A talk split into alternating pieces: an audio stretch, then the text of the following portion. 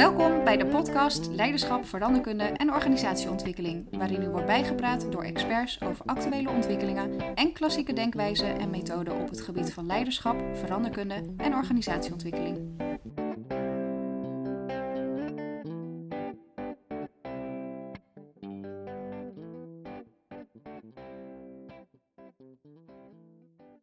Vandaag de gast, de auteur van meerdere boeken en het meest recente over high-performance overheidsorganisaties, waarin hij onderzoek doet naar wat overheidsorganisaties in de weg staat om de middelmatigheid te overstijgen.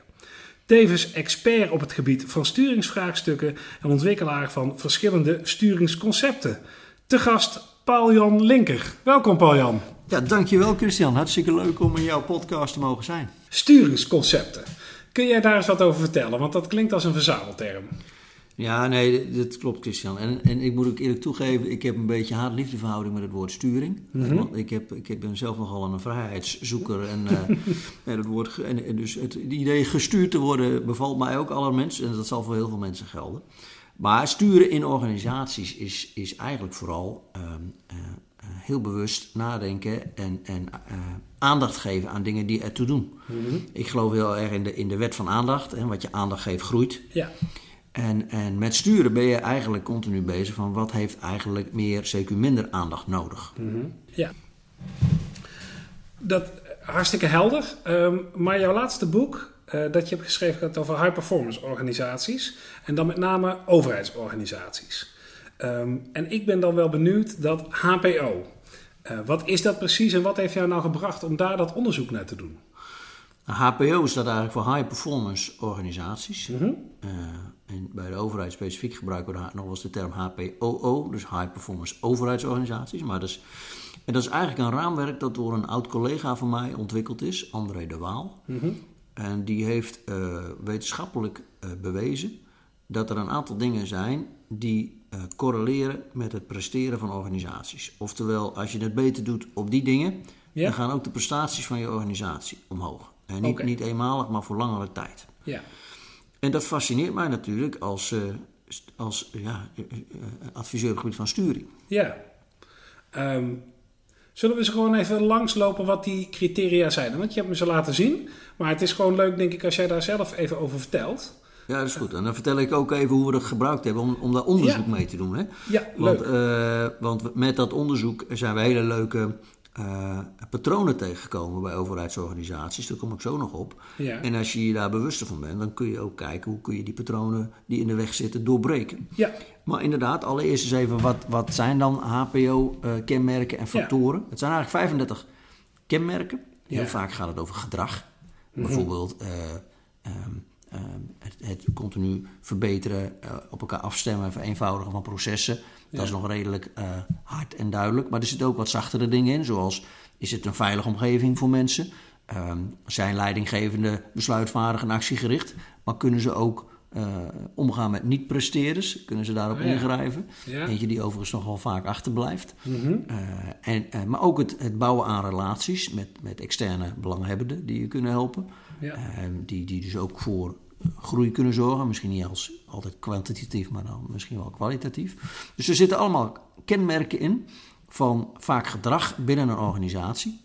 En als medewerkers daar een cijfer op geven, van 1 tot 10, op die 35 kenmerken, die overigens geclusterd zijn naar vijf groepen, maar daar kom ik zo nog wel even op.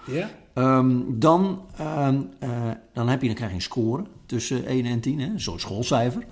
Eh, maar ook op die 35 kenmerken. En dan blijkt dus dat organisaties die hoger scoren, in termen van medewerkers scoren op die 35 kenmerken, dat die ook betere prestaties leveren. Dus die, zijn, die hebben een hogere klanttevredenheid, die, die eh, leveren betere prestaties in, in hun harde prestaties, die hebben een lager ziekteverzuim, gaan zo, gaan zo maar door. Dus er zijn ook organisaties overigens waar het leuker is om te werken. Ehm, dus het loont de moeite natuurlijk om te kijken eh, welke eh, van die 35 blijven achter en hoe kunnen wij daar op onze manier aandacht aan geven, zodat onze medewerkers het, het daar hoger op gaan waarderen. Ja. ja, want het is wel een meting die je doet zeg maar, bij medewerkers zelf. Ja, Ehm, en dan daarna kijk je of dat ook in de buitenwereld bij klanten en bij de prestaties ook inderdaad zo wordt beleefd. nou, wat, dus keer op keer, wat dus keer op keer blijkt, is dat als medewerkers hoger, maar die weten donders goed waar het wel en niet goed gaat in de organisatie. Dan onderschatten we nog wel eens. We denken heel veel hard te moeten meten.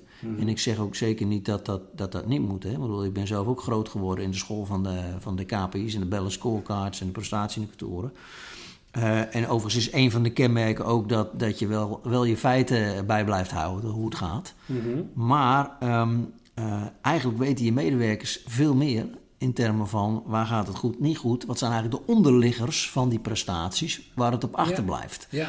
En als je daarop weet kunt sturen, als je daar aandacht aan kunt geven op de Ja. juiste manier, dan blijkt dat dus direct je prestaties ook te gaan verbeteren. Dus dat is, dat is vaak veel zinvoller dan dat je via achterblijvende scores op KPI's gaat zitten achterhalen. Wat zijn nou analyses, oorzaken en daar iets aan probeert te doen.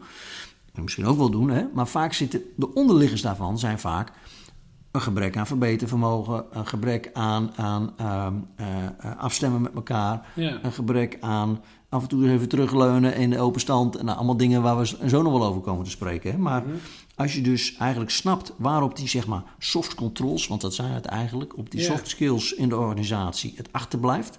En je, en je besteedt daar op de goede manier aandacht aan, passend bij jouw organisatie.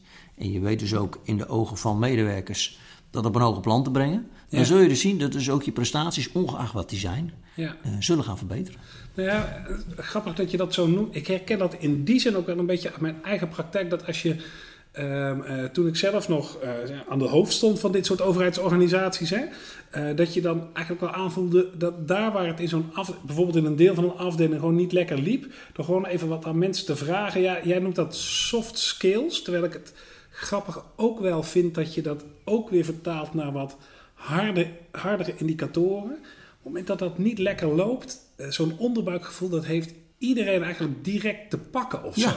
mensen weten het wel. Dus we Ja. denken dat we heel veel moeten meten. Maar als je het mensen vraagt, Ja, dan kom je vaak al een heel eind. Eh, weet je, eh, ik, ik weet niet of die erbij zit, maar ik vond altijd eh, met name een hoge frequentie van ziekteverzuim. Vond ik ook altijd zo, dat ik altijd dacht van ja, natuurlijk is dat een hard cijfer, maar eigenlijk is het gelijk zoiets van joh, wat gebeurt er nou precies?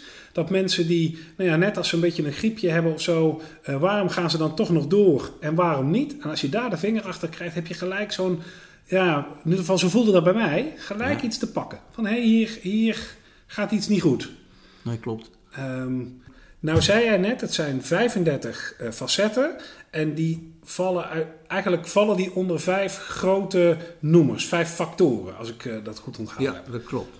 Kun je die eens gewoon voor ons eh, benoemen, zodat we daar eens even langs kunnen Even lopen? kort uitleggen. Ja. Ja. Allereerst is dat ehm, continue verbetering en vernieuwing. Ja. Dus in hoeverre is een organisatie in staat om zichzelf voortdurend te verbeteren Ja. en ook te vernieuwen als dat nodig is. De tweede is actie, actiegerichtheid en openheid. Dus dat bet- dat betekent dat een organisatie in staat is om ook gewoon dingen te doen. Maar ook in alle openheid is rustig naar dingen kan kijken, dialoog kan voeren eh, met medewerkers, et cetera. Mhm. De derde is ehm, dat, eh, de kwaliteit van eh, management. Dat is misschien wel heel belangrijk, want er zit ook veel, veel eh, kenmerken in en er begint ook veel bij. Kwaliteit van management. Management dat enerzijds actiegericht, besluitvaardig, zelfverzekerd en dat soort dingen is. Maar anderzijds ook in staat is om te coachen eh, en om om te gaan met niet-presteerders. eh, die, dat ze die niet laten doormodderen, maar Ja. daar ook op durven in te grijpen. Eh, een vierde factor is, is de kwaliteit van medewerkers. En dan met name Ja. hun vermogen om, om zich aan te passen aan veranderende omstandigheden. En dat ze zich daarbij ondersteund voelen om daar ook in mee te kunnen in die veranderingen. Maar anderzijds ook de, de samenstelling van het personeelsbestand. Hè. Is dat, is dat eh, divers? En dan bedoel ik niet divers in, in, in, in zwart-wit man-vrouw, maar divers in, in competenties en kennis. En de laatste is lange termijngerichtheid. En daarin Oh ja. zitten eigenlijk ehm, dingen als dat het management eh, over het algemeen langere tijd blijft zitten. Ehm, en daar hoor je wel eens bij van ja, maar het is- soms is het goed om door te roleren. Ja, dat klopt. Hè, maar hoogpresterende organisaties eh, hebben vaak mensen in hun hoogste leidingen zitten die al langere tijd bij die organisatie werken, misschien in de, intern doorgegroeid zijn, maar die dus een groot deel van het managementteam zit, het, zit het DNA van de organisatie eigenlijk in. Ja. En dat zijn ook organisaties die, eh, ja, die altijd de, niet alleen voor het korte termijn eh, resultaat gaan, maar ook altijd even wat verder weg kijken. Ja. En, en ook voor veiligheid zorgen in de organisatie. Om fouten te mogen maken en om, eh, om te kunnen leren en te kunnen groeien. Ja. Nou heb jij onderzoek gedaan hè? eh, bij aardig wat organisaties daarna volgens mij. Eh, en dan vraag ik me af, welke van die dingen blijven nou het vaakst achter in ontwikkeling als je zoekt naar het zijn van zo'n hoogpresterende organisatie? Ja, dat klopt. We hebben, we hebben heel veel van die gegevens verzameld, heel veel van die metingen gedaan bij heel veel overheidsorganisaties. En dat vonden we, we vonden het op een gegeven moment leuk om daar eens te kijken, van, joh, wat, wat komt daar nou steeds uit terug? Wat Ja. zijn nou de, de, de dingen die inderdaad vaak lager scoren? En, en, en zitten daar misschien patronen in? Wat zijn eigenlijk de verhalen die, die daarachter zitten, achter die lagere scores? En dan blijkt eigenlijk dat, dat vooral het, het verbetervermogen achterblijft. Die hele factor. Met, met, en daarbinnen blijven dan ook vooral dingen achter als het op elkaar afstemmen en vereenvoudigen van processen. Wat ook vaak achterblijft is dat ehm, ehm, medewerkers het gevoel hebben dat ze betrokken worden bij belangrijke veranderingen. Ja. En managers onderschatten dat vaak. Die denken dat ze dat best goed doen. Maar, maar in de ogen van medewerkers blijft dat vaak achter. Eh, het aangaan van dialoog tussen leidinggevenden met medewerkers blijft ook vaak achter. Ja. Dat is vaak eenrichtingsverkeer in plaats van, van dat het ook echt oprechte interesse is en vragen naar is. Ja. Ehm, eh, vaak blijft ook achter het, het, eh, eh, het ontwikkelen van, van lange termijn relaties met externe belanghebbenden.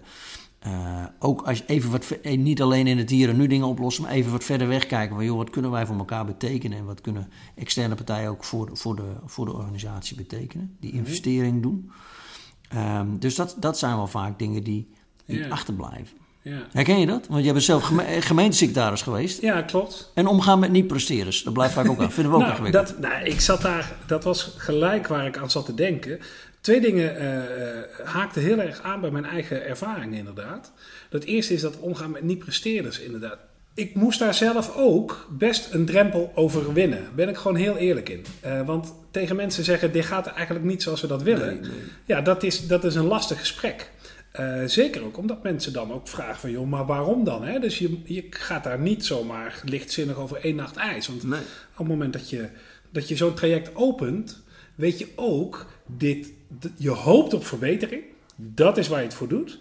Maar dit kan ook leiden tot het scheiden van, eh, van de wegen. Eh, daar moet je ook altijd wel rekening mee houden. Dus je doet dat niet lichtzinnig gewoon omdat je het serieus wil doen, maar ook omdat de gevolgen pittig zijn. Ehm, en eh, om dat toch even af te ronden, dat verhaal. eh, ik zag ook heel veel van mijn managers daar best wel mee worstelen.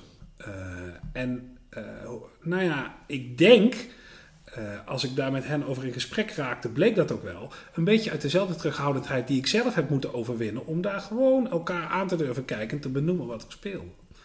Eh, dus, dus dat was eh, de eerste die inderdaad eh, lastig was. En de tweede waar ik direct een beeld bij had, was dat jij vertelde dat medewerkers zich niet altijd betrokken voelden bij wat er gebeurde bij het verbeteren en het veranderen. En als je mij nou vraagt hoe komt dat, en daarmee praat ik het niet goed. Alleen je bent als management, is dat wel een van je kernvraagstukken, vind ik. daarmee bezig zijn. En daar wil je ook niet iedereen gelijk mee lastigvallen, want soms heb je eens een proefballonnetje. Ehm, dus je wil het eigenlijk even goed uitdenken voordat je het presenteert. En voor je het weet zit je in de valkuil dat je al te veel hebt nagedacht. En dat Ja. mensen dan denken, Komen ze weer van boven met een... eh, ja, precies, komen ze weer van Waarom hebben ze boven. het mij niet gevraagd? Nou ja, dat. Ehm, met de andere valkuil, en daar ben ik wel weer benieuwd naar hoe jij dat hebt gezien. De andere valkuil is, is dat je dat misschien ook soms te vroeg doet. Hè? Dat heb ik ook wel eens als verwijt gekregen van, joh, heb je hem weer? En dan probeerde ik eigenlijk tegemoet te komen aan wat jij net noemde. Namelijk op tijd mensen meenemen. Ja, sommige mensen zitten daar toch ook niet op te wachten als het nog niet helemaal helder is waar dat precies naartoe moet. Kijk, waar het, waar het volgens mij om gaat, is dat je, dat je wel altijd eh, feitelijke eh, eh, cijfers hebt over de situatie. Voor zover dingen meetbaar zijn. Dus dat je ook gewoon met elkaar weet, hoe, hoe staan we er eigenlijk voor? Hoe gaat het eigenlijk? En dat je dat ook deelt met diegenen die daar, die daar invloed op hebben en daar iets mee, mee zouden moeten of zouden kunnen. Ja, Vervolgens is de kunst om, om mensen dan uit te dagen van joh, hoe kunnen we hier dingen in verbeteren en, en laat hun dan maar komen met die proefballonnetje bij wijze van spreken. En dan moet je wel in kiezen, want dat is ook een hele belangrijke, want heel veel ehm, eh, verbetervermogen blijft achter, eh, omdat er heel veel wordt opgestart Eh, maar, maar zo weinig echt wordt afgemaakt, laat staan dat het beklijft. Hè. Dus het is ook zaak om heel goed je te kiezen in, in wat gaan we doen, dat goed afmaken en dan weer door naar het volgende. Is dat die actiegerichtheid waar jij het over had? Of? Nou, dat is eigenlijk, eh, ehm, eigenlijk is dat de discipline hebben om te kiezen en, en dingen goed af te maken. En, en als dat even in het moeras gaat, om wat voor reden dan ook, op tijd te zeggen, wat gebeurt hier jongens? Laten we eens even terugleunen en, en, en eh, waar, waar, waar ging het mis? Want waar we in het begin nog enthousiasme voor voelden, is nu blijkbaar weg. Wat, wat, hoe kunnen we dat weer op de rails krijgen? Of moeten we misschien toch inderdaad iets stoppen en iets anders aanpakken? dat overheidsorganisaties, en ik denk niet alleen overheidsorganisaties, organisaties in den brede, te weinig tijd nemen om af en toe eens terug te leunen in die open stand. Ja. En want je zegt dat terugleunen in die open stand. En ik herken helemaal wat je zegt. Want je bent zo snel geneigd om vooral te... Zeker als het best goed gaat. Hè, vooral te blijven leveren wat je doet.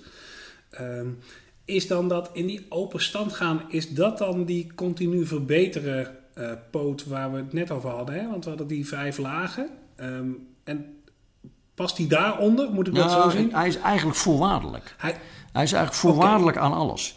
Dus als je altijd ehm, ehm, ehm, bezig bent om je stapeltje werk wat voor je ligt weg te poetsen, omdat er voor jouw gevoel druk zit om dat weg te krijgen, ja. dan, dan eh, ja, heb je dus ook nooit tijd om eens even terug te leunen. Nee.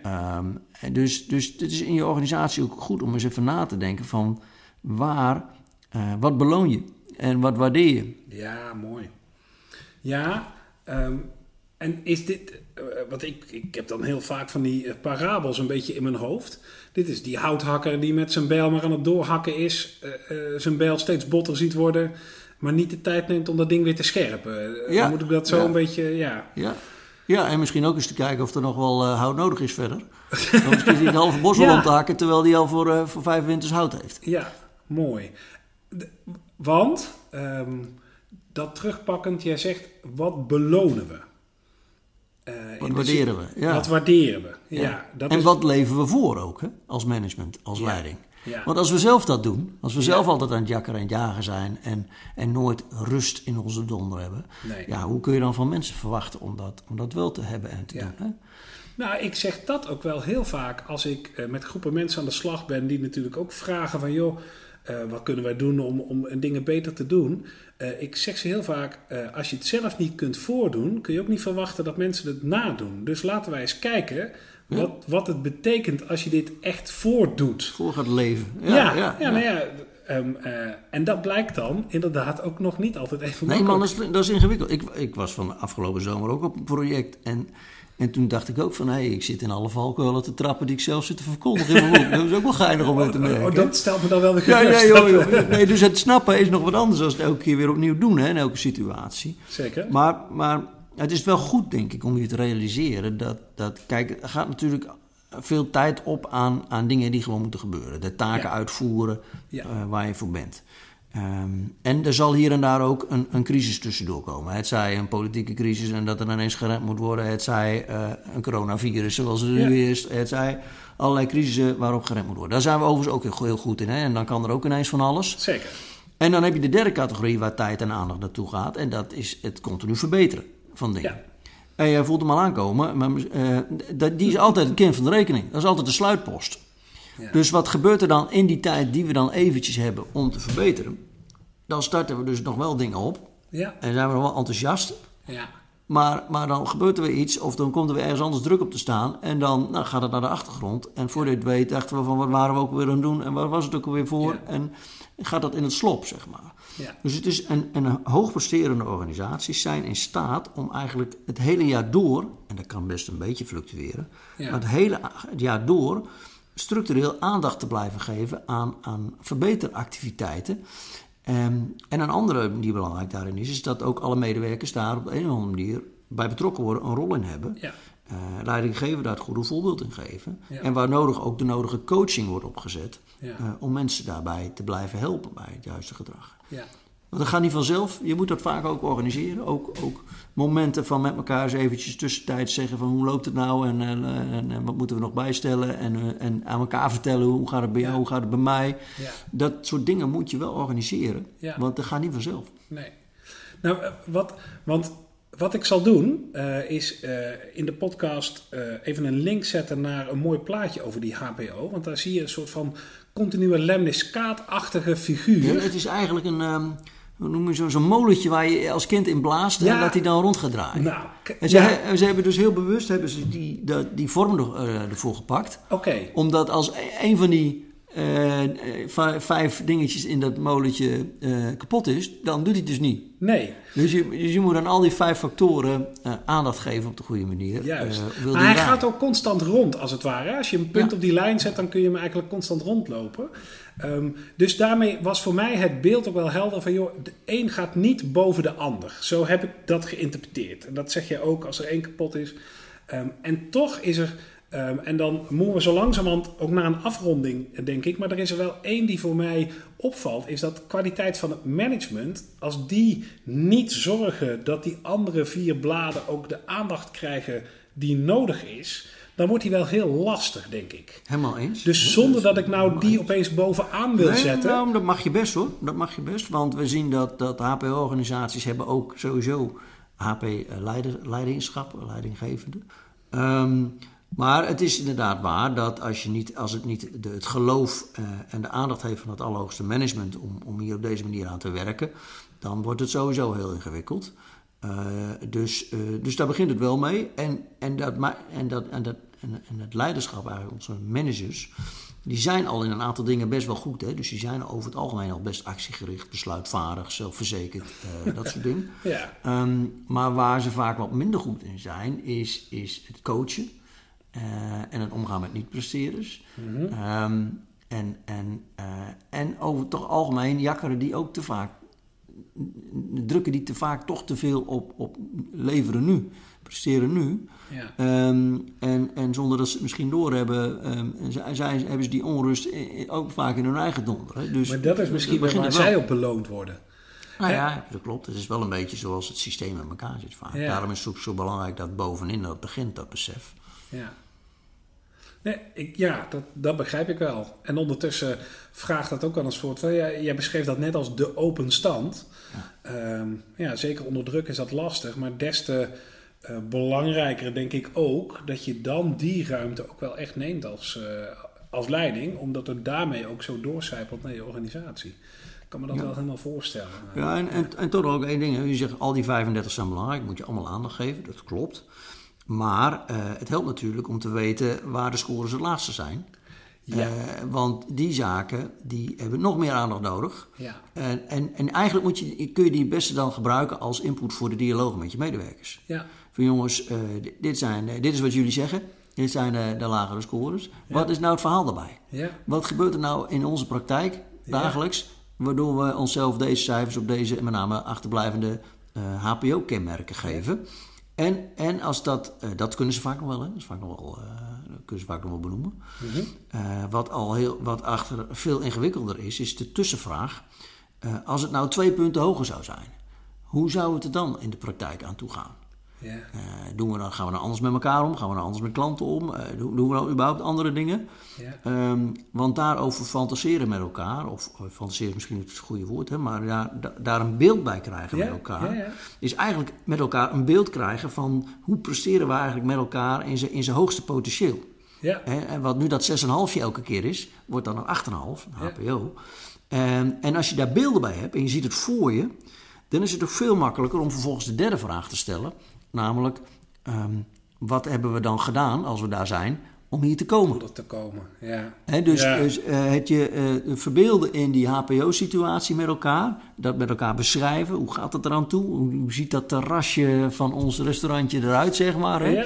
Ehm, dat helpt heel erg bij, bij eh, kunnen kiezen in waar je dan als eerste je inspanning in gaat, gaat leveren. En, Ja. En, en dan kun je ook steeds weer de vraag stellen gedurende de rit: draagt dit nog steeds het beste bij aan het realiseren van dat terrasje zoals we dat voor ons ogen? Ja, ja. Er springen een paar hele eh, leuke filmpjes ook in mijn hoofd. Misschien heb jij die ook wel in je hoofd, dat filmpje van Lebbes over dat Ja, terrasje. ja, ja, ja, ja. Ehm, en aan de andere kant ehm, eh, eh, denk ik ook ehm, aan dat filmpje van Mark Lammers. Die vertelt over uh, Sylvia Carres en uh, hoe zij ooit Olympisch kampioen konden worden met een topscorende Ja. spits. Ja, Uh, waarbij hij ook uitlegde, en dat vind ik ook wel een mooie, van joh, ben niet alleen maar bezig om van die 5 een 7 te maken, maar zorg ook dat je van die 8,5 een 9,5 maakt. Ja, en- dat en- maakt je namelijk en wereldkampioen. wat hij, wat hij ook volgens mij zei, is dat, dat in, je brein snapt het woordje niet niet. Ja, maar die... Ja, ja. Dus als je zegt, je moet niet zo aannemen, Ja. dan, dan, nee, of je, dan, eh, je moet niet op links aannemen, weet ik veel, hè, dan, Nee. dan krijg je al die ballen op links, of zoiets, zo was het. Hè? Maar dat geldt hier eigenlijk ook. Dus, dus ja, die diagnose kan je aangeven waar het niet zo goed gaat. Alleen ehm, de kunst is om dat om te buigen in met elkaar praten over hoe zou het dan eh, eruit zien als dat aan Ja. 8,5 is, zeg maar. Ja. Dan gaat het niet om die 8,5 Nee, natuurlijk, nee, maar, nee. maar om het met elkaar beschrijven, hoe willen we het hebben? Want op het moment dat daar je aandacht, en dan zijn we weer rond hè, Ja. op het moment dat daar je aandacht naartoe gaat, hoe je het wel wil hebben, dan is het ook veel makkelijker om te kiezen en, en ook te kijken of het wel eh, nog steeds de goede kant op gaat, et cetera. Ja, leuk om te horen. Volgens mij eh, was dat een mooie afronding. Hè? Je zei het al, dan zijn we weer rond. Ehm dankjewel. Het heeft mij weer veel inzicht gebracht. En het is ook gewoon leuk om daar zo met elkaar over te sparren. Er komen heel veel eh, voorbeelden uit mijn eigen praktijk ook gelijk naar voren. En ik zie jouw oog ook twinkelen als het erover gaat. Dus dat is leuk om te zien. Dankjewel, eh Paul. Graag gedaan, Christian. Yes.